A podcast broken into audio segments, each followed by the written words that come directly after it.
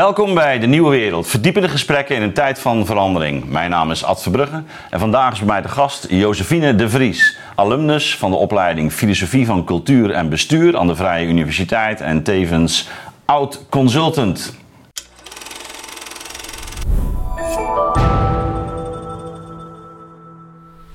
Josephine, welkom. Dankjewel, leuk om hier te zijn. Ja, heel fijn dat je er bent. Uh, een paar weken geleden afgestudeerd. Ja. Ik had de eer om jou te begeleiden in dat uh, hele traject. Uh, je hebt een mooie scriptie geschreven. Verschil moet er zijn. Een analyse van de wakkere samenleving. Waarin je ja, toch op het, op het woke-fenomeen ingaat. daar gaan we het dadelijk over hebben. Maar misschien toch eerst even een, een stap terug. Ehm, ik vertelde al, oud-student aan de opleiding Filosofie van Cultuur en Bestuur. Wat bracht jou er überhaupt toe om, op jouw leeftijd, zou ik bijna zeggen, de keuze voor die studie te ja. maken? Ja, daar zat ik onderweg hier naartoe nou nog eens over na te denken. Dat is natuurlijk altijd, ja, wat brengt je tot dingen? En ik denk dat de filosofie of het denken over hoe dingen in elkaar zitten en ook vooral waarom ze zo in Mhm. elkaar zitten, eigenlijk altijd wel onderdeel van mijn leven is geweest. Ik was als kind altijd een lezer, altijd op zoek naar begrip. Uh, ik vond het ook moeilijk om uh, te kiezen wat ik voor vakken dan moest laten vallen naar het einde toe, omdat ik eigenlijk alles wel ja. wilde doen. Um, maar dat is toch in, in, wat ik, in het traject wat ik daarna gevolgd heb, niet helemaal, heeft, heeft dat niet helemaal een plek gekregen. Ja, want je, had een master economie gedaan. Ja, klopt. Ja, ik ja. ben vanaf, uh, ja, klopt. Ik heb een, uh, uh, nou, via een omweg nog zelfs, ik heb, ik heb gymnasium gedaan en vervolgens ben ik hotelschool gaan doen. Uh, een jeugdige... Oh, dat was informatie. ja. Ja, ja. ja, dat was een wonderlijke, achteraf zou ik zeggen, een beetje wonderlijke stap. Waarschijnlijk door een jonge verwarring dat ik, het, dat ik hotels prettige plekken vind ja, om ja. te zijn, verward heb met het verlangen om er te werken. Uh, dus daar kwam ik ook tijdens de studie al wel achter. Was overigens wel een geweldig leuke studie. Heb ik, uh, uh, mijn beste vrienden, daar heb ik daar, die ik nog steeds heb, die ja. ik daar ontmoet. Toen ben ik die master economie gaan doen. Dat kwam al wel iets meer tegemoet aan mijn behoefte om te begrijpen hè, waarom ja. dingen werken zoals ze werken. Economie geeft ook een bepaald model van de wereld, zeg ja, maar. maar. Maar misschien een wat, uh, een wat eenzijdiger model dan de filosofie. Um, maar goed, dus economie gedaan. en vervolgens had ik bedacht dat ik strategieconsultant uh, wilde worden. Uh, en dat was ook al wel ingegeven doordat strategieconsultants, zo had ik het althans ja. uh, begrepen, uh, en zich vooral bezighouden met ja, het begin van het probleem. Wat, wat, hoe is die markt? Wat, waarom zijn we op deze markt? Waarom, hoe gaan we hier geld verdienen? Dus het is ook in de, in de consulting is de strategieconsulting iets wat een beetje aan het begin van de problematiek altijd. en, en daar zit eigenlijk ook al die, een deel van die maatschappelijke oriëntatie ook, ja. ook in. Of in ieder geval het in kaart brengen van een nou ja, een bepaalde wereld, om ja. het zo maar te noemen. Strategieconsultants hebben, en daarin komen ze wel een beetje overeen met filosofen, hè, die, die, die willen de wereld, en dan in dit geval de bedrijfsmatige wereld, vatten in, in mooie modellen. Ja. En dan hebben ze ook een beetje de neiging om zich te verliezen in dat mooie model en, en ja, de, de, de, ja, de weerbarstige realiteit een beetje te vergeten. Um, maar goed, uh, uh, toch, uh, ja, ook in een, ja, wat, ik, wat ik merkte is dat strategieconsultants hè, zich niet alleen maar met dat soort mooie modellen bezighouden, maar ook gewoon met hun voeten in de klei staan. En als je iets bedacht ja. hebt, dan moet het ook gebeuren. en dan moet je zorgen dat, het, hè, dat wat je bedacht hebt ook tot stand komt. En dat is altijd weer barstiger en dat heeft ook mooie kanten. Dat heb ik ook geleerd. Um, maar er was gewoon een moment, ik heb dat 14 jaar gedaan. En ik had in die tijd heb ik drie kinderen gekregen en ik was altijd hard aan het werk, altijd druk en uh, ja, een beetje zo meegezogen in dat, in dat leven. Ja. Uh, en uh, ja, ook wel klassiek. Ik denk dat, het, dat ik precies 40 was. precies op de helft. De, de, ja, ja de dan, dan, dan komt de midlife. Ja. ja en dan, dan kun je natuurlijk ik, een, nieuwe auto ja, kopen. Precies, of een, of een, of een, of een vriend erbij. Maar ik dacht, ja. nou, ik, ik vind dat ik mijn midlife crisis nog behoorlijk beschaafd heb vormgegeven. ja, ik, ik weet niet, ik wilde eruit. Ik moest eruit. Ik, de, ik moest, moest eruit breken. Ja, en toen greep ik toch terug op iets wat, ja, wat, ik, wat ik al aangaf. Op iets wat, wat altijd al wel bij me is geweest, wat altijd wel getrokken heeft.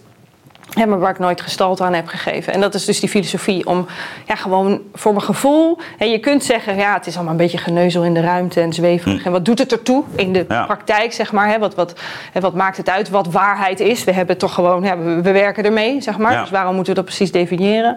Ehm, maar ik heb daar toch, ja, ik heb daar op een of andere manier trek bij dat. Ik wil dat graag. Uh, ja, en dat, uh, ja, dus zo gezegd, zo gedaan. Ik heb het in eerste instantie nog gecombineerd met uh, werk. Dus ik heb, ben, ik heb, ben in plaats van fulltime drie dagen in de week gaan werken. En toen heb ik die, die, master. ja, en dan ook nog een gezin erbij. Dus en een gezin erbij. Ja, ja dat, is, dat, is me, dat heeft me bijna de kop gekost. Maar zeggen, dat was te veel. Ja. dus na een jaar kwam ik erachter van, nou, nu ben ik echt niks meer uh, op een fatsoenlijke manier aan het doen. Uh, en ik ben voortdurend ergens, terwijl ik eigenlijk uh, met mijn hoofd bij het andere. Nou ja, dus dat, dat was, het ging niet goed. Dus toen heb ik een knoop doorgehakt en gezegd: Oké, wat wil je nou? Nou, niet, ja, dat, ik wil toch afscheid nemen van iets. Ik, die, die strategie, ja. die carrière in de consulting, ja, dat, dat, dat was het hem toch niet meer. Oké, ik ga ervoor. Ja. Dus, dus, dus de laatste anderhalf, twee jaar of zo, die heb, heb ik me echt op die studie kunnen richten naast, uh, naast inderdaad uh, thuis. Um, ja, dat is wel goed bevallen. Toen ja. kwam ik wel, toen kon ik wel, dan kreeg ik echt ruimte om na te denken, om mijn eigen gedachten te vormen, hè, om die boeken ook te lezen. Hè, ja, ik, ik, heb kennis gemaakt met een hele nieuwe wereld. Vond ik echt, dat is echt geweldig. Um, ik, ik had het er net even over met jullie uh, gastvrouw. Dat ja, dat filosofie ook meer dan een ander studie, kijk, aardrijkskunde of geschiedenis of biologie of economie, dat, dat, heeft niet, dat kan je redelijk loszetten van jezelf. Hè. Dat, is een, dat is iets wat je, hè, dat is gewoon een academische bezigheid die je, die je kunt doen, een intellectuele uh, activiteit. Uh, en filosofie, ja, dat doet ook iets met jezelf. Het doet ook iets met je eigen levensbeschouwing. Dus het is he, je, heel expliciet werd ineens hoe ik altijd in de hm. wereld heb gestaan, hoe ik naar de wereld kijk. Ja, en door die explicitering uh, ja, krijg je ook ruimte voor andere dingen. Zeg maar. Dus wat natuurlijk aan de Vrije Universiteit is natuurlijk uh, uh, van oudsher een gereformeerde universiteit. Dus zit, de religie zit er altijd wel ergens een beetje in, zeg maar. Jullie willen toch, de, de Vrije Universiteit wil wil daar toch nog iets van die traditie overbrengen. Zo ook in, uh, in ja. de studie van filosofie, cultuur en bestuur. Je maakt gewoon kennis. Hè. Het, is geen, het is geen zendingsdrang, maar je maakt gewoon kennis met, dat, met die religieuze uh, beleving van, uh, van de wereld. Ja, en ook de verschillende perspectieven die dat met zich meebrengt. Ja, ja. Uh, ja en ik, ja, mijn, mijn achtergrond is, is niet religieus. En ik denk dat ik, hè, dat, maar dat heb ik dus geleerd de afgelopen jaren, echt wel een beetje zo'n product van de verlichting ben. Dat religie altijd een beetje als een soort onzin of een beetje kinderachtig sprookjes ja. die nodig zijn hè, als, je, als je de echte harde realiteit niet aan kan. Um, en ja, daar ben ik toch wel een beetje van teruggekomen, zeg maar. Dus je ziet hoe hoe religie toch ook wel. Uh, ik denk niet dat ik het in me heb om in God te gaan geloven. Dat is volgens mij, ja, dat, dat, dat doe je, ga je niet zomaar. Maar ik zie wel wat dat. Ik heb wel gezien wat dat brengt, zeg maar. Wat dat ook kan brengen. Dus nou, dat is een, een zijspoor, heeft verder niet veel met bescriptie te maken. Maar dat, dat, dat vind ik naast gewoon alle informatie en kennis die ik tot me heb gekregen, de, ook de, de vaardigheid die ik nu heb. ik kan nu al die moeilijke boeken lezen. Het gaat, niet, gaat niet heel snel. dat, ik, ben, probeer nu Hannah Arendt te lezen, weer een ander boek van haar. En ja, dat is gewoon nou, bladzijde voor bladzijde nog eens teruglezen. Maar, maar ik kom er wel, ik snap het nu wel. Ik, kan, ik begrijp wat ze wil. Nou, en toen ik begon, ik kan me nog herinneren dat een van de eerste teksten die ik las was, uh, dat was volgens mij Derrida. En dat is signature context event. En dat ik gewoon dacht, ik begrijp gewoon helemaal niet. Ik, ik, begrijp om te beginnen al niet wat je gaat doen. Wat, wat, wat, wat hebben die drie woorden in vredesnaam met elkaar te maken? Was, was dat bij de, bij de zomercursus? Ik, nou, volgens mij moest ik moest een paar van die bachelorvakken doen. Op ja, ja, precies. Dat bedoel ik. Ja, Continental ja. Uh, filosofie was het. En uh, nou ja, dus ik, ik, had, ik ging die tekst lezen. Ik had geen flauw idee. Ik had nog nooit meegemaakt dat ik iets las. Ik ben altijd al een lezer geweest. En dat ik iets las en dat ik dacht ik, heb gewoon, ik begrijp gewoon niet wat hier staat. En uh, uh, ja, dat is toch wel echt een stuk beter geworden, zullen we maar zeggen. Dus ik kan nu al die mooie, die mooie kennis, die boeken, die, ja, er zijn er zoveel die ik nog zou willen lezen. Uh, ja, dat, dat, die, die, die skill die heb ik nu. Dus daar ben ik super blij en dankbaar. Ja, nou, heel goed. Um, wij, wij, hebben ook gemerkt um, dat je inderdaad op een gegeven moment het, het roer hebt omgezet. Ja. in het midden van je studie. En nou, heeft onder andere geresulteerd in een hele mooie scriptie. Waar je ook ehm, volgens mij in, in, in leefde op een gegeven moment. Ja. Um, nou, dat is ook te merken ook. Dat, dat is soms ook nodig om, uh, om, om, mooie dingen te maken, die, uh, die focus. Um, ja, laten we het daarover hebben. Hè? Want je pakt eigenlijk als verschijnsel uh, woke bij, de, bij de kop. En ja. ja ook, ook je scriptie heeft zich op een bepaalde manier ontwikkeld. Wat was nou de aanleiding voor jou om dit thema uit te diepen? Ja. ja, de aanleiding was eigenlijk een zekere ambiguïteit die ik ten opzichte van die beweging voel. Dus ehm, Ja, het is natuurlijk sowieso veel koppig. Hè? Het valt van alles Ja. onder inmiddels. Ja, klopt. Dus dat ook ja. inderdaad. Dus dat je gewoon dat je dingen, verschijnselen, bijvoorbeeld die, dat, die, die, de, het grensoverschrijdende gedrag, eh, de, ja, de de- sociale veiligheid, dat, dat lijkt er ook een beetje bij te horen. Eh, en natuurlijk gewoon van hè, wat, wat meer klassiek erbij hoort, eh, de, de LHBTQ-beweging, eh, Black Lives Matter. Ehm, ja, dat zijn allemaal wel heel andere dingen ook vaak. En ik, dus ik, ben, ik denk van ja, wat is dit nu precies? Wat, wat, wat, wat, wat is hier nu de gemeenschappelijke factor? het verbindende element.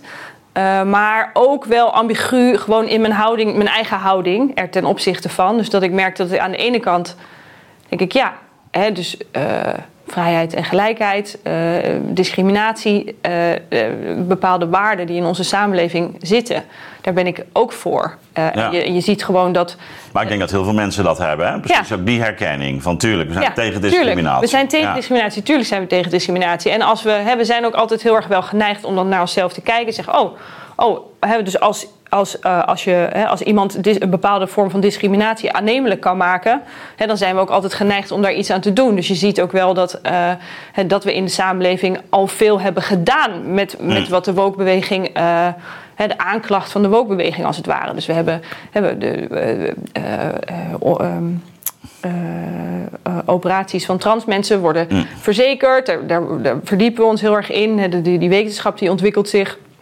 Eh, we hebben een regeringscommissaris voor overschrijdend gedrag aangesteld. NPO, hè, onze nationale publieke omroep, die, eh, die krijgen budget om, eh, hè, om bepaalde meer inclusieve programma's te maken. We zijn er. We kijken naar onszelf en we zijn best wel heel erg ontvankelijk voor die, voor die kritiek. Dus we zeggen, ja, ja, we moeten niet discrimineren, dat willen we niet, weet je wel. Dus we willen dat iedereen op een gelijke manier in vrijheid kan leven, zeg maar. Dus het past heel erg bij de normen en waarden van onze, eh, van onze samenleving. En tegelijkertijd eh, eh, merk je gewoon heel veel irritatie erbij, zeg maar. Dus dat, ik denk dat, mijn, dat, dat dat mijn gevoel is dat het vaak opspeelt. Dat ik gewoon een beetje erdoor geïrriteerd raak. Doordat de, ehm, de slachtofferrol die vaak ingenomen wordt... eh, eh, ehm, dat, de, de- dat aandringen op taalgebruik. Dat, ik, dat, je, dat je in de derde persoon meervoud over mensen moet gaan praten. Ehm, ja, het, beetje het, het, het dwingende eh, het appel op, eh, op, je, op, je, op, je, op je moraal, zeg maar. Hè? Van het is, eh, hè, je, je, je- dit is niet aardig, dit is, jij kwetst mij nu, zeg maar. Hè? Dus je, je, je, dan denk je, ja, nou, oké, dat is niet mijn bedoeling. Weet je, ik wil, ik wil jou niet kwetsen. Eh, maar ik was me er niet van bewust dat ik deed. Nou goed, in die discussie die je in de media heen en weer ziet gaan, is het van, nou ja, we hebben een woken uiting. Dan zegt iemand van, hè, dus ik bijvoorbeeld studenten op een universiteit die, eh, hè, die, die vinden dat. Dus ik las over eh, studenten die hadden dan eh, de derde persoon meervoud in hun tentamen gebruikt. En de docent had dat gecorrigeerd als grammaticaal onjuist. En toen waren ze daar heel erg boos over geworden. Nou, zoiets. En dan gaan, wordt daarop gereageerd. Van, nou, dat is toch onzin. En jonge mensen kunnen tegenwoordig niet meer, die weten niet meer eh, hè, wat de echte wereld is. En die leren niks meer. Nou, dan gaan ze weer terug. En is het ja, maar jullie houden ongelijkheid in stand. Nou, jullie zijn communisten, jullie zijn fascisten. Nou, en zo, Ja, en zo, zo, gaan Ja. we, zeg maar. Eh, en ehm, ja, wat ik wilde schrijven, ik wilde eigenlijk gewoon het beter begrijpen. Van wat is dit nou precies in ons, in onze samenleving, die zoiets, waarin zoiets ontstaat, zo'n beweging als woke. Wat, wat, eh, wat roept nou die irritatie op? Ehm, eh, ja, kan, ik het, kan ik het beter begrijpen? Het was dus niet mijn bedoeling om bij voorbaat een woke kritisch verhaal te schrijven. Dat is het volgens mij ook maar ten dele geworden. Ja, het is, het kijk, mijn, mijn, mijn bevreemding impliceert wel een bepaalde... Hè, de vraag die ik stel dat ik het niet begrijp... impliceert wel een bepaalde bevreemding ermee. Dus dat ik, dat ik vanuit mezelf in ieder geval denk... Van, ja, ik begrijp dit niet helemaal. Wat, wat willen deze mensen nou toch? Waarom moet het zo ver gaan? Ehm, en eh, eh, ja, die, die, eh, die ambiguïteit wilde ik beter begrijpen.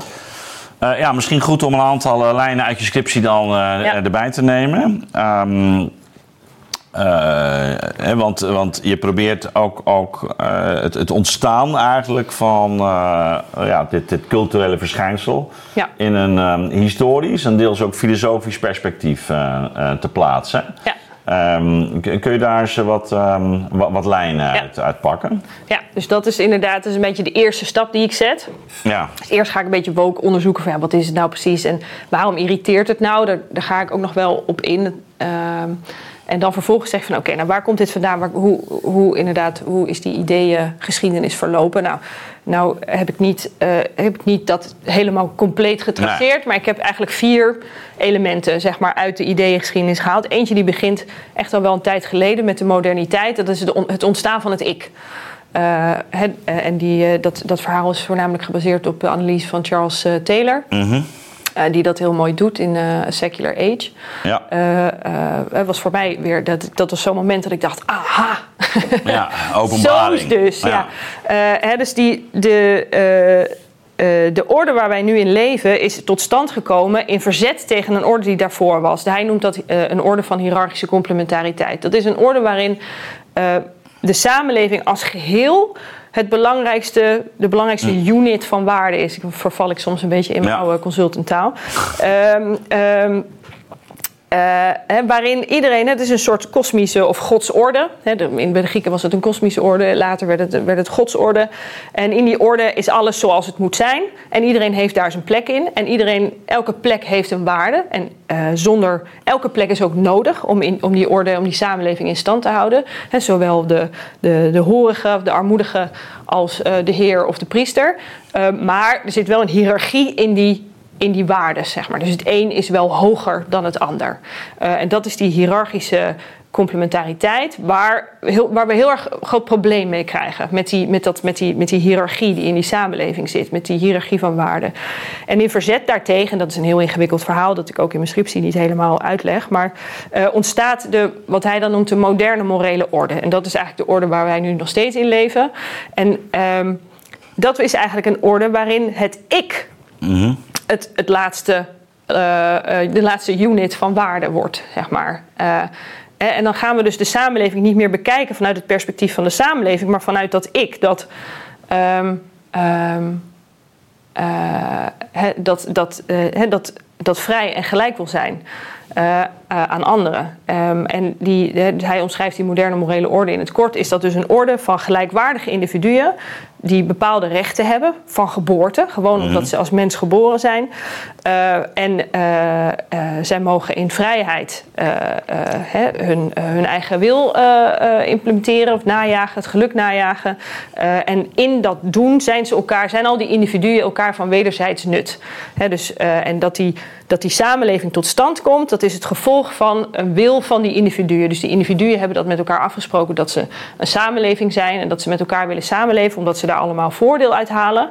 Um, hè, maar het, maar het, het, belangrijkste ding van waarde is het individu. Ja, nou, ja, ja je beschrijft natuurlijk echt uh, ook, ook uh, opkomst van het moderne mensbegrip. Ja. Daarin, uh, je volgt Taylor. Eh, we zien natuurlijk ook al hoe de, de, de, zeg maar de godsdienstoorlog en de opkomst van het protestantisme daar ook natuurlijk, ja, met het belang van het eigen geweten, um, hoe die, wat we dan in de filosofie noemen, die subjectiviteit opkomt. Hè, dus inderdaad wat bij Descartes dan het denkende ego uh, wordt. En, ja. en dat, dat dat ook eigenlijk uh, aan de basis ligt van, um, nou ja, zo is, kan ook zeggen, het Kantiaanse autonomiebegrip, de, de waarde van de persoon, het individu, als echt een nieuwe um, ja, grondslag eigenlijk van moraal maar ook van het, het rechtsbegrip en, en, en de hele maatschappelijke orde. En daar, daar komt inderdaad jouw um, vroegere studie natuurlijk ook om de hoek kijken. Je noemt het al, ja. nut, nutsdenken, wat binnen de economie uh, uh, natuurlijk een belangrijke rol gaat spelen. Adam Smith enzovoort, die, die daar een, uh, een, een, een ja, hele belangrijke conceptualisering van geeft. Um, dus dat is die, die, die poot van de, ja, de ontdekking van het ik. Ja. Of het, het, het, het ik als een soort grondslag van, um, van, van, van morele orde. Um, ja, situeer je daar al een, een probleem of, of, of ga, je, ga je nog verder? Um, nou, er zit inderdaad al welke ik in dat in dat ontstaan van dat ik, en dat ontstaat eigenlijk al meteen daarna. Dus die, Ja. die orde ontstaat en meteen wordt daar natuurlijk op geref- gereflecteerd, zoals wij dat eh, Ja. eh, plegen te doen. Eh, en ehm, eh, zeggen ze al van ja, dat is wel een heel atomistisch mensbeeld. Dat is wel Ja. heel erg alleenig. En het, Nou, het liberale mensbeeld. het eigenlijk. liberale Ja. mensbeeld kan niet heel goed een samenleving denken. Ja. Een samenleving hè, die. eh, ehm, eh, kan, het kan niet heel goed een wij eh, denken. Ja. Het kan van al die ikken maar heel lastig een, een, iets maken. Dus zij doen dat, die liberalen doen dat met sociale contracten. Dus alsof wij allemaal onze Ja. naam onder een contract hebben geschreven. waar we ons dan in theorie ook uit zouden kunnen onttrekken of iets dergelijks. Dat is natuurlijk niet de realiteit. Nee. dat, is dat, dat, dat wringt, dat wringt. En dan krijg je Hegel, die doet best een goede poging. Dus die, maakt dan, die probeert dan eh, door eigenlijk te zeggen. maar nou ga ik. Hegel, ik had eigenlijk voor, me voorgenomen om Hegel te vermijden. Nou, je komt altijd weer bij Hegel uit. Hè. Hij staat hier niet voor niets boven aan de plank. Hè. Dus, Want, eh, eh, ik- jij bent Hegel-kenner, ik absoluut niet. Maar in ieder geval wat ik van hem begrijp, ehm, is hij zegt, en dat, vond ik, dat vind ik wel mooi. Dus hij zegt van ja, dat ik, dat kan alleen maar ontstaan, dat kan alleen maar zijn in een, binnen een wij. Dus dat ik een vrij ik ben, eh, dat komt omdat eh, jij me als zodanig erkent. Ja. Dus je, ik kan alleen in die, in die wederwerking, in die samenwerking, eh, kan ik dat vrije individu zijn. Het is eigenlijk, dat realiseerde ik me later, dat het is een beetje een Griekse gedachte. Dus het is een Griekse gedachte ehm, dat vrijheid en gelijkheid eh, pas ontstaat in een bepaalde samenleving. Dus in, bij de Grieken in de polis. En voor Hegel dus in die, ehm, in die, eh, in die samenleving waar hij toen ja, de, zed- de zedelijkheid, De- hè, ja, waar, ja. waar de staat inderdaad dan de, de, Ja. het laatste moment in, eh, in, in, in vormt. Maar dat is dus inderdaad een belangrijk eh, ja, centraal inzicht. Ook zijn kritiek op dat contract denken. Ja. En we hebben altijd al een, een wereld nodig en iets, iets van gemeenschappelijkheid. Überhaupt om een constitutie met elkaar te, te, delen. Hè? En ook al die individuele rechten te kunnen eh, Ja, verwerken. waarborgen. Te Ja. waarborgen. Maar ook, ook eh, in, in bijvoorbeeld een moderne economische orde waarin het wordt gere- gerealiseerd. Dus, dus, dus, dus hij levert kritiek op alleen maar moreel denken. En dan, dan zitten we waarschijnlijk al in de overgang die jij zocht. Want Ja. we gaan natuurlijk ook, eh, je wil ook naar Marx toe. Ja. Eh, ja, je hebt eigenlijk al die condities nodig. eh, wil die vrijheid van dat ik worden eh, eh, gereali- gerealiseerd. Ja. Ehm, ja, maar dan, ehm, dan, Marx speelt ook een belangrijke Ja. rol, ook in jouw analyse van, van de wakkere samenleving. Ja. Dus, dus, wa- want wat, wat is die, welke rol speelt Marx en eventueel de neo-Marxisten later? Maar goed, we hoeven niet al die details te te doen. Maar wa- wa- wat, wat is voor jou de belangrijke schakel? Ja. daarin? Ehm, nou ja, Marx die gaat, die gaat dus kritiek geven op, eh, op Hegel en op die moderne morele orde, zullen we maar zeggen. Eh, dus op de, ik denk eh, in mijn analyse op die orde, zoals hij is. Ehm, eh, maar hij gebruikt Hegel omdat Hegel hem op een Ja. bepaalde manier onder woorden heeft gebracht. Gebruikt hij als een soort afzetpunt. Ehm, en ehm, eh, hij zegt eigenlijk, het is allemaal een farce. Die ideologie, dus dat wat wij, hè, dus het idee dat, dat er een bepaalde wereld is die wij op een bepaalde manier verwoorden in een ideologie, in die orde. dat, dat, is een, hè, dat, dat, dat, is, hè, dat is alleen maar. Eh, dat is een soort ehm, verdediging van bepaalde gevestigde belangen.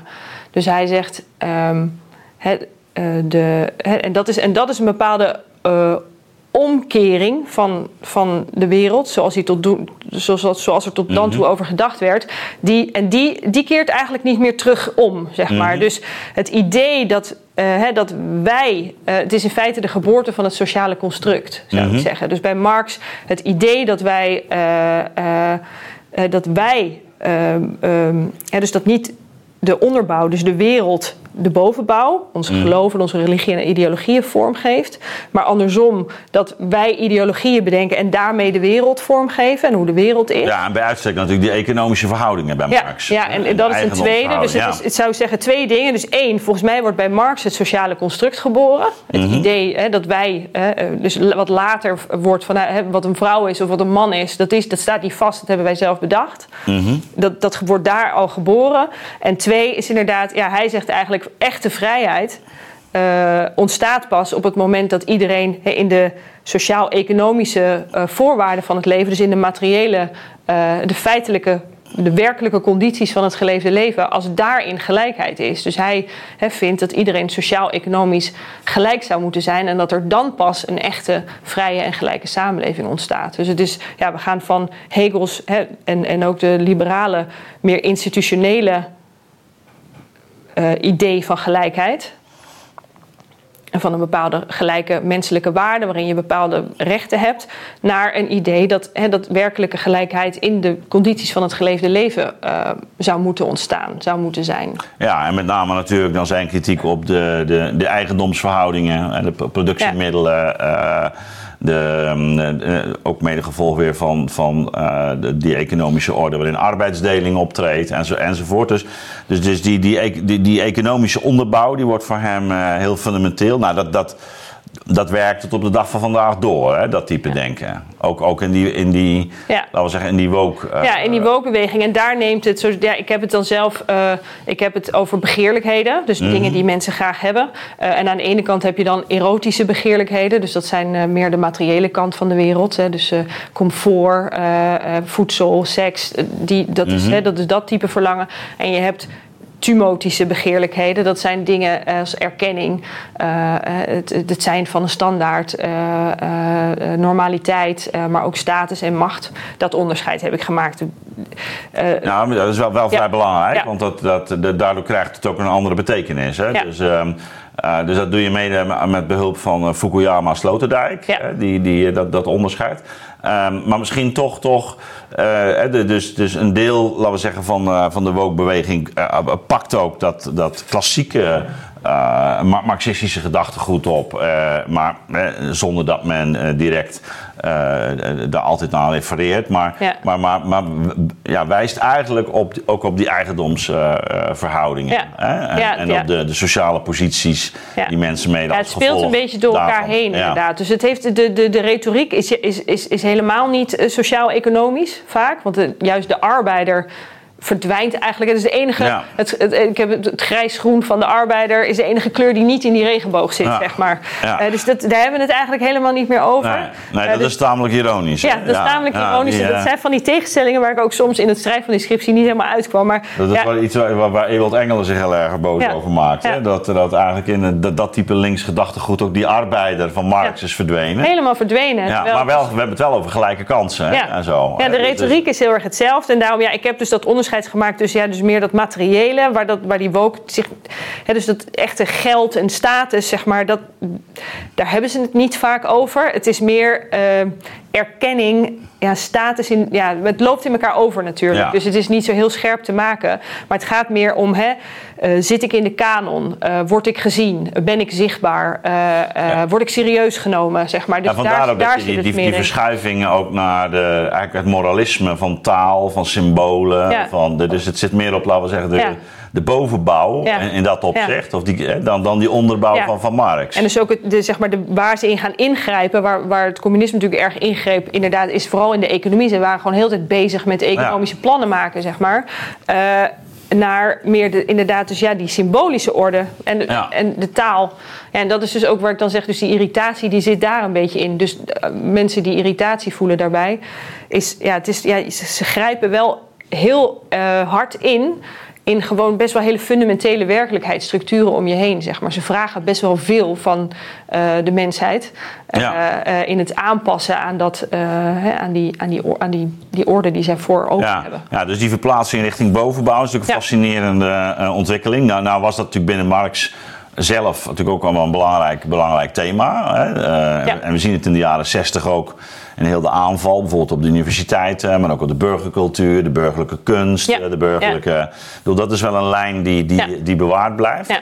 Um, uh, nou breng je ook nog een aantal uh, andere uh, denkers in, hè? dus Marx, maar wie, wie, wie zijn voor jou nog meer belangrijk? Ja, raakt nu ook al een beetje aan, want je hebt het over de jaren 50 en 60 en de verzet tegen de burgercultuur en zo. Ja, dat, ook die ehm, bewegingen die zijn ook wel geïnspireerd geweest door het communisme. Dus je ziet dat Ja. het communisme wel een beetje zo die lijn. Alleen, eh, en dat is dan, ik begin eh, bij het existentialisme. Ja. Eerst met Sartre en Simone de Beauvoir is daar natuurlijk een beetje de feministische. Ja, daar zit eh, natuurlijk ook heel duidelijk van. die, die, die marxistische link. Hè, Er zit een marxistische ja. link, maar tegelijkertijd zijn ze ook geschrokken natuurlijk Ja. van wat er gebeurde. Ja, en pas laat hoor. ja, Ja. dat wel. Maar ze zeggen van ja, dus wat, tenminste zoals ik het heb geïnterpreteerd, is van ja, dit, ze zeggen nou op zich zit er heel veel waarheid en goedheid in dat idee van het, hè, dus die- Mhm. die, die communistische heilstaat. Ehm, maar wat er mis is gegaan is dat het, dat het, een, dat het een heel eh, eh, groot collectief is geworden. Dus het feit dat, hè, dat we zo arbeiders tegenover kapitalisten hebben opgezet, eh, dat was misschien niet, niet goed. En wat, wat we eigenlijk moeten doen is we moeten het individu uit dat collectief bevrijden. Hè? Dus het individu moet nog veel belangrijker worden. En dat individu moet zelf echt vrij zijn om. Om, eh, om zichzelf vorm te geven. En er ontstaat ook die hele cultus van authenticiteit. En dat is ook wel echt een draad die je heel erg in Woke terugziet. Hè, van, ehm, het collectief zou eigenlijk niks te zeggen moeten hebben over wie ik ben of eh, wie ik word of wat ik doe. Of, hè, dat zou ik helemaal zelf eh, moeten vormgeven in mijn eigen, dus de, de vrije keuzes die ik kan maken. Eh, en eh, als ik mezelf hè, zou laten hangen naar wat het collectief van mij wil, dus bepaalde eh, rolpatronen die ik tot me neem, als vrouw bijvoorbeeld, hè, dan ben ik te kwader trouw. Dat is eigenlijk, dus er ontstaat een soort ethiek van waarin authenticiteit, waarin helemaal jezelf zijn en je eigenlijk dus verzetten tegen de norm en de burgerlijke maatschappij. ehm, hè, tot, tot, de, tot de moreel juiste eh, handeling. eh, Ja, te- tegelijkertijd is wordt. natuurlijk de, de, de paradox eh, dat men zich keert tegen die culturele orde. Nou, dat is zeg maar ook het cultuur-marxistische eh, element. Ehm, eh, eh, ma- maar tegelijkertijd het. eh, eh, in, in, het, in de affirmatie van die individualiteit ook weer heel sterk eh, via eh, schema's denkt en die collectief zijn. Dus de- de- dat is ook wat je eigenlijk in je, in je scriptie ook wel. Ik bedoel, dat is een soort pa- paradoxale Ja. eh, omslag. Hè? Want Ja. jij wordt dan ehm, bijvoorbeeld eh, als. Eh, eh, non-binair word je toch in een. Hè, maar, Ja, maar ja, daar- ja, maar ja. daar- Ja, dus dan je- hebben we, voor mijn gevoel hebben we dan ook de stap naar het postmodernisme al gemaakt. Ja, en ook hier, ja, ga- ga hier zijn Ja. die, die, die, die, die scheids ook weer niet super duidelijk. Maar je ziet, je ziet heel duidelijk hoe dat, zeg maar, interessant hoe, hoe, hoe een idee dan vorm krijgt, zeg maar. Dus waar die existentialisten nog wel echt een autonoom handelend ik Ja. eh, voor zich zien. Die zelf zijn, dus die dus wel bekneld wordt door het collectief. Maar op zich Ja. wel eh, het in zijn instrumentarium heeft om zich daarvan los te breken. ja, kri- kritiek ehm, en, en verantwoordelijkheid. Een eh, eigen, Sartre. precies, inderdaad. Dus, dus alleen ik weet of ik authentiek leef, maar ik, ik, ik kan dat wel zelf. Ehm, en, dan, en die postmodernisten die verklaren dat subject eigenlijk helemaal dood. Dus die zeggen, nee ja, een subject is eigenlijk een product van, van, het, van het systeem. Hè, van, het, eh, van, de- van, van, het, van de schema's. Hè. Dus we worden met, met normen, met bepaalde standaarden, met bepaalde disciplinering, wordt een subject eh, vormgegeven. Dit is heel erg, ik gebruik Foucault eh, Ja. hiervoor om dat postmodernisme een beetje eh, vorm te geven. Eh, en en in, die, in die praktijken, die disciplinerende praktijken, wordt dat subject tot wie die is. Maar daarin is hij dus niet vrij. Eh, ja, Nee, nou kan je zeggen, Foucault problematiseert Ja. sowieso die notie van vrijheid. Ja. Hè? Eh, dat, dat is voor een deel ook de dood van, een, van, het, van het subject. Maar, dat, maar dat gebeurt hier niet helemaal. Hè? Dus, dus er, er, er- wordt een soort extra. eh, men, men, men, men, ehm, men gebruikt vooral het, het kritische potentieel van Foucault, zou ik zeggen. ja, Ja, Ehm, klopt, ja. Ja. Jij, jij voegt er nog iets aan toe. Na- naast Foucault heb je het ook nog over Butler. Ja, ja, dus Butler die is ook wel heel erg geïnspireerd op, eh, door Ja. Foucault. Die gebruikt zijn denken daarvoor wel. Maar daarin wordt het dan... Hè, dus Butler is wel een belangrijke inspiratiebron voor Woke. En dat is omdat ze... Ja, zij, gaat, eh, zij gaat veel over gender en, eh, ehm, en seksen, Ja. denkt zij na. Ehm, en... eh, ehm, ja, zij zegt eigenlijk, hè, dus, hè, dus, dus ook weer die sociale constructen. Dat is Foucault natuurlijk ook heel erg. Hè, want de, Mhm. de, ja, de, de, alle kennis en waarheden die wij produceren, dat is een, een resultaat van machtsverhoudingen, van bepaalde. eh, hè, wij- doen het machtspraktijken. machtspraktijken. En Butler neemt dat over en die zegt: ja, dus. eh, eh, en waar we al waren gaan denken in de tweede feministische golf over seksenverschillen, man-vrouw verschillen als bepaald hè, sociaal geconstrueerd. Dus hè, dat, wat, ik, wat, het, wat het betekent om een goede vrouw of een goede man te zijn, dat hebben wij sociaal geconstrueerd. Dat is ook Simone de Beauvoir. Dat, is, dat is Simone ja. de Beauvoir. En Butler die gaat dan een stap verder en die zegt nou het, het, is überhaupt, het gaat er niet zo om hoe wij de seksenverschillen uh, invullen. Het gaat erom dat wij seksenverschillen überhaupt al tot zoiets belangrijks verheffen. dus de, de, dat, dat, die, uh, dat, dat we het zo belangrijk vinden of iemand een man of een vrouw is, dat is al het sociale construct. Dat, maakt, dat dwingt ons al in een bepaalde vorm, dat met je lichaam meekomt, wat onvrijheid impliceert. Ja. Um, uh, ja, dat, ja. dat is nee, dus, dus dan, dan komen we hè, ook, ook in heel het idee van dat gender is een performativiteit. Hè, ja. Is eigenlijk het voltrekken van, uh, van ja. een, een, bepaald soort orde, zou je kunnen Het ontstaat zeggen. in de taal, in de woorden. Dus dat is ook heel postmodern. Dus die, en Woke neemt dat heel erg over, dat taal... Er wordt een enorme macht aan taal toegekend. Dus De klassieke manier om over taal na te denken... is dat taal gewoon uh, dingen zijn om namen te geven... aan dingen die al in de wereld bestaan. en we hebben op een gegeven moment de linguistic turn... ergens eind van de 19e eeuw, geloof ik... Um, en dan gaan we eigenlijk naar taal op een hele andere manier. Meer als een, als een werkelijkheidsconstruerend ja. fenomeen. Dan komt ook in het uh, recente boek van Gijs van Oen... Hè, met die culturele veldslagen... Ja. die ook op die, die belangrijke ja. rol van taal uh, uh, wijst. Um, ik zou zeggen, dat hangt zelf ook weer samen met techniek. Maar goed, de, daar gaan we het nu niet over hebben. Um, de, de, de, ja, de, de uitkomst van dit alles is, is toch een vrij, uh, waar we ook begon, mee begonnen zijn, een vrij dwingende ja. uh, moraal. Ja. Uh, die juist zelf ook de neiging heeft om, om een, een hele cliché-achtige ja. schablonen ook te denken. Ja, dus dat is een beetje dus dat paradoxale. Daar loop je eigenlijk de hele tijd tegenaan als je over woke gaat nadenken. En het is, ik denk dat het ook iets is hè, wat, wat een beetje in onze samenleving als geheel... Dus ja. niet alleen maar in woke, maar die paradoxen die kom je wel, wel meer tegen. Het is gewoon, hè, de paradox is dat ze, ja, dat ze zich enorm verzetten tegen normen, tegen een bepaalde orde. En die zelf... Uh, maar ze ontsnappen daar zelf helemaal niet aan. Zeg maar. Ze, doen eigenlijk, ze, ze, ze verzetten zich tegen hè, de, de moderniteit ook eigenlijk in een, ja. in een bepaalde ja. uh, zin. Ja, maar, maar dat is de, de, moderniteit is eigenlijk de witte man. Ja, precies. Dus de witte man en de moderniteit en het patriarchaat zijn allemaal synoniemen ja. voor elkaar. Daar zijn we tegen. Ja. Um, uh, maar tegelijkertijd ja, zijn ze geheel en al gebaseerd op allerlei denkbeelden die uit die orde voortkomen. Ja. Het idee dat iedereen vrij en gelijk moet zijn, is, is door die Bij orde uitstek, bedacht. Ja. Bij uitstek, ja. Dus, dus um, nou, dat, jij probeert dan nog één, één, één uh, spade dieper te gaan hè? Uh, in die hele uh, gedachtegang. Ja. En, en, kun je dat eens uitleggen? Ja, um, en dan doe je dat op de woede. Of, onder andere, ja. ja. Nou ja, de, hè, wat je dus merkt is dus met Marx zou ik zeggen, vanaf Marx zit er een bepaalde woede in de samenleving, een bepaald verongelijkheid uh, over uh, niet nagekomen beloftes, zullen we maar zeggen. Dus de moderne morele orde belooft aan iedereen gelijkheid en vrijheid.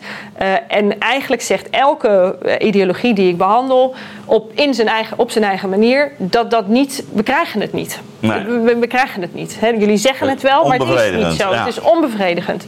En daar zijn we heel, uh, he, daar is veel boosheid over, daar is veel kwaadheid over. En ja. he, ik, ik, zeg dus, nou, woke is daar een vorm van. Er zijn nog meer uh, boze vormen die over andere dingen boos zijn. De desillusie over de, ja, de, over die orde. De, over de orde. De, misschien een beetje overvragen we de orde een beetje, maar ja. dat, dat is, komt later, denk ik.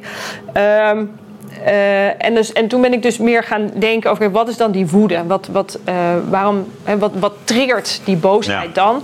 Uh, en dan, dat doe ik dan met Fukuyama en Sloterdijk. Dus dat ja, zijn meer... Sloterdijk is natuurlijk echt, heeft dat boek ook geschreven, eigenlijk, ik denk een jaar of twintig geleden inmiddels alweer, Woede Ja. en Tijd. Hè? Dus het, Fascinerend. ja, en, en hij grijpt dat terug op, op Fukuyama's introductie van de Tumos. Ja, het, boek van het einde van de geschiedenis Ja. van Fukuyama. Ook een bekend uh, verhaal natuurlijk, wat ook wel heel veel bekritiseerd is al.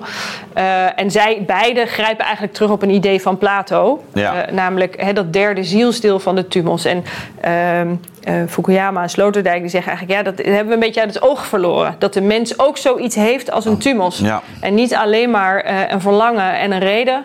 maar ook die, die, die, die, die woede in ons heeft... die niet per se rationeel is, die je heel irrationeel op kan vlammen op het moment dat, eh, dat je het gevoel hebt eh, dat je onrecht aangedaan wordt. Dat iets niet rechtvaardig is. Ja, dus boosheid en verontwaardiging, het mooie Nederlandse Ja. verontwaardiging, is Ja. dat die dat de waarde. Mijn waarde wordt hier niet erkend. zeg maar. niet ik heb een bepaalde. Dus Plato zal het waarschijnlijk meer als een soort kosmisch gevoel van rechtvaardigheid. Dat, hè, dus dat Mhm. de orde op een bepaalde manier moet zijn en dat die orde dan geschonden wordt. Fukuyama interpreteert hem wat moderner en die heeft het meer over mijn eigen waarde. Het Ja. individuele eh, ik, wat een bepaalde waarde heeft. En op het moment dat jij die schendt, dan kan ik echt heel eh, kwaad worden. Ehm, eh, en, en, en Fukuyama en Sloterdijk die zetten dat neer echt als een motor van de geschiedenis eh, sinds de moderniteit. Dus die, die woede die opvlamt en die Berlijnse muren naar beneden trekt en eh, voor een tank gaat staan, zeg maar. Ja, ja, ja precies. Nou, die, die, ehm, eh, die doorbraak van, van de tumos. eh, die, ehm, die, die, die, die manifesteert zich dus eigenlijk in, in verschillende historische perioden op verschillende Ja. manieren. Ja. Ehm, jij ziet hem ook eh, bij die woke doorbreken, dus die boosheid, de verontwaardiging. Ja. Ehm, eh, Fukuyama grijpt terug op Hegel in de notie van erkenning. Ja. Dus het, eh, de behoefte aan erkenning, het verlangen naar erkenning. Ehm, of Fukuyama dat nou helemaal goed begrijpt, dat wil ik even in het midden laten. Maar die erkenning is natuurlijk wel een hele centrale notie ook Ja. binnen, binnen heel de, de opkomst van de woke. Dus men wil erkend worden. Ja. En, en hoe, hoe, hoe problematiseer jij eigenlijk die, die, die- dat, dat erkenningsverlangen? Ehm, ja, ehm, kijk, hoe het ooit bedoeld was, dus hoe Hegel die erkenning eh, bedoelde, eh, is ehm, een bepaalde erkenning voor, het, voor, voor mm, toch wel eh, de keuzes die je maakt en de dingen die je doet. Ja. Dus eh, eh, verdiensten is een eh, modern eh, woord daarvoor. Ja. Ehm, toch wel. Ik heb, ik heb, er is er iets wat mij, aan mij individueel toekomt. eh, de, de kracht van mijn wil, mijn individuele talenten, mijn vermogen om het goede te zien of iets dergelijks. Wat, wat aan mij toebehoort. Ja. En waar, waarlangs ik mijn leven inricht. En naarmate ik dat beter doe,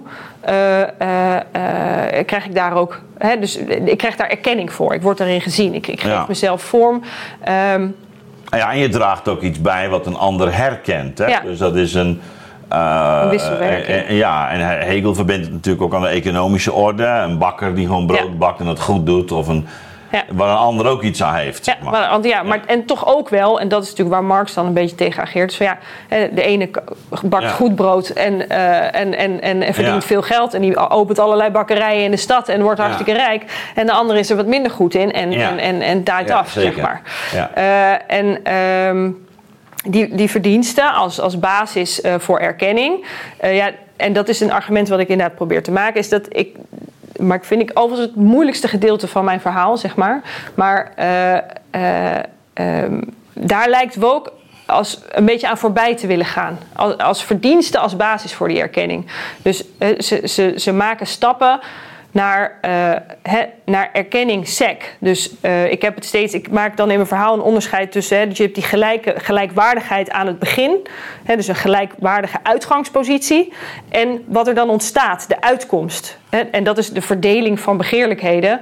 Eh, die ongelijk is. Dus de, Ja. een, eh, de een wordt toch echt gewoon hoger geacht dan Ja. de ander. Daar- dat, dat willen we niet, maar dat is toch wat er ontstaat. Ja, Eh, overal. eigenlijk. overal. Zelfs binnen de woke zelf, denk ik. Zelfs Maar- binnen de woon, want het is toch belangrijk of je wel goed de, nou de verschillen weet tussen wat wel kan en wat niet kan en weet ik veel. Maar goed, dus dat ontstaat altijd. Dat is een ander stuk Ja, dus mijn het verhaal. verschil moet er zijn. Verschil moet er zijn, het kan niet anders. Ja. Eh, het kan niet anders. Dat, is, dat zit in de mens. Eh, dat, dat, eh, dat verlangen naar. eh, de mens moet zichzelf onderscheiden van een ander om eigenlijk een identiteit te kunnen vormen. Ja. Dat is ook waarom ik dit plaatje zo heb uitgezocht. Dat is een plaatje van Escher. Ah. Waarin je, waarin je mensen ziet ontstaan eigenlijk in de ruimte die de ander laat. Oh, dat- oh, dat is grappig dat je me nu zo toelicht. Dat, Ja. dat, ah, dat, dat had me niet gerealiseerd. Nee, ja, dit stond Ja. vroeger, Escher stond vroeger bij ons, dat boek stond in de kast. heeft me altijd mateloos gefascineerd, die tekeningen Ja. van hem. En eh, daar moest ik gewoon de hele tijd heel erg aan denken. Dat je dus, hè, dat, ja, dat, Ja, ja dat, is, een- dat is een mooie interpretatie. Ja. Ja. Eh, maar goed, dan ben ik de draad van mijn verhaal. Nou, nee, dus dat je, dat je zegt dus dat verschil moet er zijn, maar ook, ook Ja. dat, ehm, dat dat dus een ander soort erkenningsbegrip is wat, eh, wat wordt gehanteerd binnen ja. die woke. ehm, Ja, dus het is niet meer verdiensten. Dus het is niet meer, hè, dus we beginnen gelijkwaardig. Maar vervolgens eh, vindt er iets plaats, gewoon in mijn individuele ik. Eh, eh, en dat leidt tot ongelijke uitkomsten. En mijn gevoel is dat woke, net als het communisme, eigenlijk streeft naar, naar, naar gewoon een gelijke verdeling aan het einde. Mhm. Maar, dus niet, maar dus niet zo gericht op dat sociaal-economische, wat, waar Marx het erg over had, maar meer op die erkenning. Ja. Dus die erkenning die moet aan het einde gewoon gelijk verdeeld zijn. Iedereen moet normaal zijn. Iedereen, eh, hè, we moeten iedereen even hoog achten. Ehm, ehm, ehm, maar komt daarmee dus los van, van het idee van de liberale maar, de- orde ja, zelf. maar, maar, maar eigenlijk hebben we dus dan met, op een hele abstracte manier, zou je kunnen zeggen. Want het is niet zozeer door een inspanning of door een prestatie Ja. of door een. Ehm, maar, maar eerder door een identiteit die. die Ieder- een gekozen identiteit. Ik heb iets gekozen, dit ben ik. En, dat- het feit dat, dat ik gekozen heb. Ja. dat moet ruimte krijgen. Dus Ja. het is eh, ja, de, de, de identiteit zelf is dat waar, ik, waar erkenning voor moet komen. En niet wat die identiteit dan doet of betekent. Of de positie die het inneemt in de samenleving. ja, of wat, wat, wat een ander daaraan heeft. Wat een ander daaraan heeft. Ja, Ja. Dus het is, dat is wel, ja, je ziet het ook wel dus terug op het moment dat ze. eh, hè, dat, dat, we, dat we een discussie openen over de kanon of eh, hè, eh, van boeken of, of schilderijen, kunst, eh, musea. Hè, dat, we, dat we toch ja, eigenlijk teruggaan en zeggen van ja, we, we moeten de wereld opnieuw, we moeten opnieuw erkenning verdelen. Want het is niet eerlijk gegaan. Ja. Hè, dat is niet, het is niet eerlijk gegaan. En ja, ik, dit, vind ik, dit vind ik, hier loop ik elke keer, dat vind ik moeilijk. Omdat het natuurlijk, ja, het valt wel op dat in onze kanon voornamelijk witte mannen zitten. Dus misschien Ja. is dat ook wel niet eerlijk gegaan. Ehm, en, ehm, eh, want ja, het is toch, ja, dat, dat, dat, dat is wel een punt, zeg maar. Dat, Mhm. waar je ook niet helemaal omheen kan. Ehm, maar vervolgens ja, gaan we dus eigenlijk precies doen wat, ehm, waar, ze, waar ze de orde van beschuldigen. Dus herverdelen op basis van kenmerken die er in feite niet toe doen. Namelijk ja, hoe je eruit ziet, zeg maar. Ja, dus, Eh, dus uiterlijke kenmerken. eh, Ja. Eh, niet zozeer of je iets goed kunt, een brood Nee. bakken of een, maar, een boek schrijven, maar- ja. Of een boek Ja. schrijven. Maar, maar die uiterlijke kenmerken Ja. die jou al dan niet recht van spreken geven of, of eh, reden zijn ik- voor, voor erkenning. Ik weet nog dat je me op mijn tentamen, eh, examen ook die vraag stelde: van ja, oké, maar misschien moet je dan gewoon, is het een soort tijdelijk iets. Weet je wel, we gaan, we gaan gewoon herverdelen. ja. Eh, en als het dan klaar is, dan klopt het allemaal. ja. En dat is dus, en dat zeg maar, dat is, dat, dat, oké, dat kun je zeggen. En dat, in Ja. theorie is dat een idee. Ehm, alleen, ja, ik, het, één, zeg maar, heeft de, de woke retoriek dan inderdaad, ja. Ik heb niet het idee dat dat het plan is, zeg maar. Dat het plan is, nou, maar als we dan straks alles netjes herverdeeld hebben... Dan, eh, Dan hebben we gewoon weer die liberale orde. Dan gaat het gewoon Ja. weer op basis van verdiensten. En dat er dan ongelijke uitkomsten aan het einde uitkomen, dat is dan rechtvaardig. Zeg maar, dat, dat gevoel krijg je er niet echt bij. Dat we dan, dat we dan tevreden zijn, zeg maar. Ehm, en eh, wat wou ik daar nou nog meer over zeggen? Nou ja, om met Kastels te spreken, op het moment natuurlijk dat er een verzetsidentiteit ontstaat, eh, dan, is, die, dan is, die, dat, is jouw strijd is een wezenlijk onderdeel van die identiteit geworden. Dus het is ook niet de bedoeling dat het vrede wordt. Nee. Ja, dat, dat ook inderdaad. Dat ook, ja. En ehm, ik vond het ook... Het, het, ook dit is weer een soort echo aan het communisme. Ja. Die hadden ook zo'n tussenfase. Die zeiden, nee, wacht. Straks Ja. is alles en iedereen gelijk. Maar hier tussenin hebben we even een fase nodig waarbij het heel vervelend is. Want we hebben namelijk al het bezit aan de staat gegeven. Dus super ongelijk verdeeld. Doe- Maar het komt goed, don't worry. Doet me denken aan ehm, eh, Hannah Arendt's Origins of Totalitarianism. Die, die, ehm, eh, niet om dat, dat allemaal op één lijn te zetten, Ja. maar die zegt van ja, dat, dat het, eh, ook, ook bij de. eh, zowel bij het fascisme als bij het communisme was eigenlijk sprake van beweging. En Ja. men had beweging, de Ja. strijd eigenlijk permanent ook nodig. Ja. Om, eh, om zichzelf te, eh, eh, te legitimeren. En dat zie dus, dus dat als we ook een beweging zou zijn, dan zie je een vergelijkbare eh, Ja, dynamiek. zie je een beetje die dynamiek. En dan, ja, dan toch, hè, dus in theorie zou het misschien kunnen, maar ik vind het toch ergens niet geloofwaardig. En het is ook omdat het dus heel postmodern is, dus heel erg moeite heeft om een- iets positiefs, een positieve beschrijving van, eh, ehm, van wat het dan, waar het dan naartoe moet. Ja. Die ontbreekt. Zeg maar. wat, wat is dan de eindfase? Want, Wa- Wanneer, ja, wanneer zijn we klaar? wanneer zijn we dan klaar? Het heeft iets heel incrementeels. Zeg maar, elke keer als we dan iets gedaan hebben, dan Ja. komt er weer wat nieuws. Zeg maar. En dat is ook volgens mij wat, die irritatie die men voelt. Ik denk van ja, verdorie. Ja. Oké, daar gaan we weer. Zeg maar. Dit houdt, dit houdt Ja. Spengleriaans, Maar- die heb je ook nog even genoemd. Maar Spengleriaans is het natuurlijk echt het, eh, de, eh, de vervreemding van de vorm. Hè? Het worstelen met de vorm. Ja. Het permanente... Altijd maar zoeken naar hoe het dan moet en proberen. En, reconstrueren en het, eh, wat, wat kenmerkend is voor de civilisatiefase.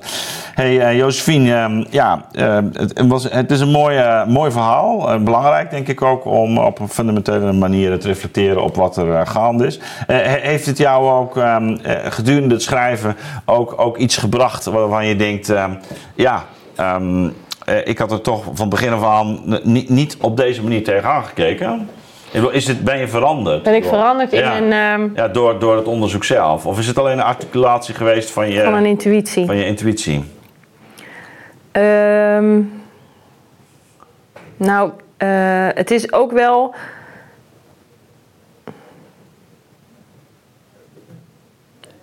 Heel eerlijk gezegd, voornamelijk dat laatste.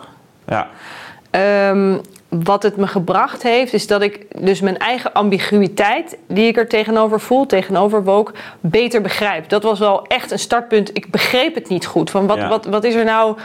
Wat is dit nou precies? Waarom, hè, waarom heb ik er zo moeite mee om eh, gewoon te accepteren hè, dat, dat, men, dat, dat, dat andere mensen ook naar vrijheid en gelijkheid streven? Zeg maar. waarom, Ja. waarom kruipt dit zo onder mijn huid? Eh, eh, dat ben ik beter gaan begrijpen. En ja, als ik dat heel kort moet samenvatten, dan is dat gewoon. Dat is een soort tegenstrijdigheid die in de mens leeft. Namelijk een verlangen naar onderscheid. We moeten Mm. onderscheid maken om een identiteit te hebben. Ik moet mezelf onderscheiden van jou om Ja. iemand te kunnen zijn. En tegelijkertijd zit er in de mens ook een heel sterk verlangen naar eenheid. Dus die, dat, dat, die communistische heilstaat, die komt ook niet uit de lucht vallen. Dat is iets wat we allemaal wel heel erg in delen, zeg maar. Van ja, dat... John Lennon eh, Ja, eh, van Imagine. Imagine. ehm, ja, dat, dat spreekt iedereen aan. Iedereen kan dat begrijpen. Zo zou het ook eigenlijk moeten zijn, zeg maar. Eh, die, eh, zo zou de wereld moeten zijn. En, en eh, zo is hij niet. En eh, dat, dat, dat, dat wringt en dat is volgens mij wat zo aan de basis ligt van, van, die, van, ja, van, van, van, van, dat, van wat ik erbij voel. Zeg maar. ja. En ook wat ik, niet alleen ik, maar dus wat ook de, de discussie in de media eroverheen is. zijn die twee verlangens die met elkaar in botsing komen. ja. Nou, eh, mooi. Ehm, hartelijk dank. Eh, ja, als mensen eh, geïnteresseerd zijn, ook wanneer je wat ouder bent en denkt... ik, ik wil toch nog mijn filosofie zou het zo doen, ja. Dan eh, kijk eens op de, op de website van Filosofie van Cultuur en Bestuur aan de Vrije Universiteit. Ehm, je, je ziet maar hoe het, eh, hoe het iemand kan grijpen en wat het je kan brengen. Dus eh, heel mooi. En ehm, ja, ik wil toch nog even bij afsluiting wijzen op onze nieuwe in- initiatief van het patronaat. Waarin eh, mensen een patroon kunnen worden, of een schutspatroon zelfs, eh, eh, door ons te steunen. Je kunt dan ook ehm, eh, deze uitzendingen advertentievrij kijken. Ehm, en daarnaast bieden we ook wat content aan, zoals dat tegenwoordig dan wordt genoemd, eh, die eh, alleen eh, op dat kanaal verschijnt. Dus ehm, eh, kijk vooral even, het zal hier ergens in beeld verschijnen. Ik weet niet wat de jongens gaan doen, dus het komt vanzelf goed. Ehm, maar ehm, het is denk ik de moeite waard, en zeker als je stoort aan die advertenties, wat ik me heel goed kan voorstellen. Josephine, dankjewel. En, eh, nou, ik denk dat dit, eh, dit nodigt uit tot meer. Dankjewel. Ja. Beste kijker, als je dit filmpje ziet, houd je kennelijk van de lange en verdiepende gesprekken van de nieuwe wereld. Wil je meer van onze video's zien? Klik dan op de afbeelding hier links. Of beter nog, abonneer je op ons kanaal. Je kunt ons natuurlijk ook steunen en daar zijn wij zeer op aangewezen. Klik dan op de afbeelding rechtsboven in beeld of ga naar de beschrijving hieronder voor meer informatie. Ik dank jullie bij voorbaat van harte.